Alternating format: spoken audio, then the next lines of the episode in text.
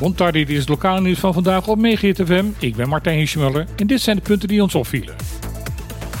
In het laatste kwartaal van 2022 zijn de prijzen op Bonaire gestegen met 8,1% in vergelijking met hetzelfde kwartaal in 2021. Dit is nog steeds een forse stijging, maar minder dan het kwartaal daarvoor. In het derde kwartaal bedroeg de prijsstijging namelijk 12,2% ten opzichte van een jaar eerder. Voor het grootste gedeelte werd de minder snelle stijging van de prijzen in het laatste kwart van 2022 veroorzaakt doordat de lokale overheid per 1 november een subsidie beschikbaar stelde voor de elektriciteitsvoorziening. Daar hoeven de gebruikers geen vast recht meer te betalen en werd ook de prijs van het verbruik lager. Opmerkelijk is dat het bestuurscollege de financiering van de subsidie haalde uit de extra opbrengst van de toeristentax dit jaar. Het college Financieel Toezichtbest had eerder een negatief advies uitgebracht over deze manier van financieren. Desondanks heeft het BC haar plan toch doorgevoerd met nu blijkt positieve economische gevolgen. Per 1 januari dit jaar heeft het Rijk de subsidie op de elektriciteitskosten overgenomen. Bonaire Laboratorium NV, beter bekend als Bonlab, heeft een nieuwe tijdelijke directeur. De ingang van afgelopen maandag staat Anneke Visser aan het roer van het overheidsbedrijf. Ze vervangt daarmee waarnemend directeur José Boy. Hij blijft nog wel de komende twee maanden beschikbaar voor Bonlab om zijn opvolger te kunnen inwerken. De belangrijkste opdracht voor de nieuwe directeur zal zijn om nieuwe wegen voor Bonlab te vinden, nu de Rijksdienst Zorg en Jeugdcaribisch Nederland heeft aangekondigd het contract met Bonlab niet meer te willen verlengen. Hierdoor valt de belangrijkste inkomstenbron van Bonlab weg. Desondanks vindt het bestuurscollege van Bonaire dat Bonlab moet blijven voortbestaan, om zo de continuïteit en de toegankelijkheid van medisch laboratoriumonderzoek op Bonaire te kunnen garanderen. Het is dus aan de nieuwe directeur Visser om scenario's te verkennen om het taakpakket van Bonlab duurzaam voor het eiland te kunnen behouden. Visser is afkomstig van het energiebedrijf Web, waar ze als directiesecretaris nauw betrokken was bij de strategieontwikkeling van het bedrijf.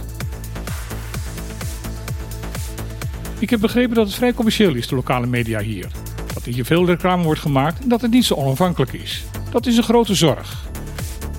Deze uitspraak deed Koena Uslu, staatssecretaris van Cultuur en Media, aan het eind van een werkbezoek aan Bonaire. Momenteel wordt er in Europees Nederland gewerkt om de journalistiek te versterken en te professionaliseren.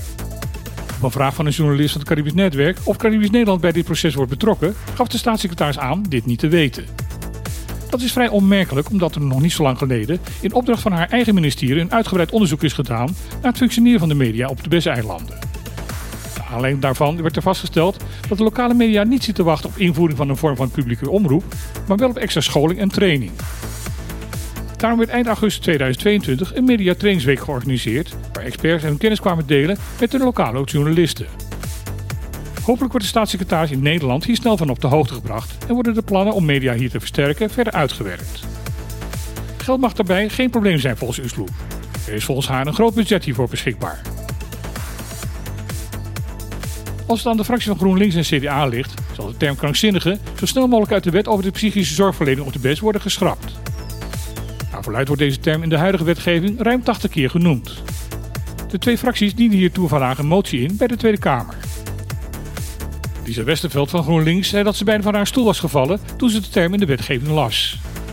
Ook Joop van den Berg van CDA zegt dat ze sinds 2019 stoort aan de term en dat ze het onbegrijpelijk vindt dat de wet daarin nog steeds niet is aangepast.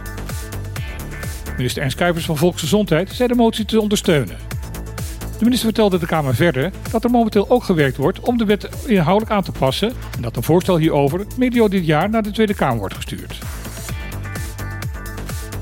Dit was weer het lokale nieuws op Megahit FM. Ik wens iedereen nog een hele mooie dag en dan graag weer tot morgen.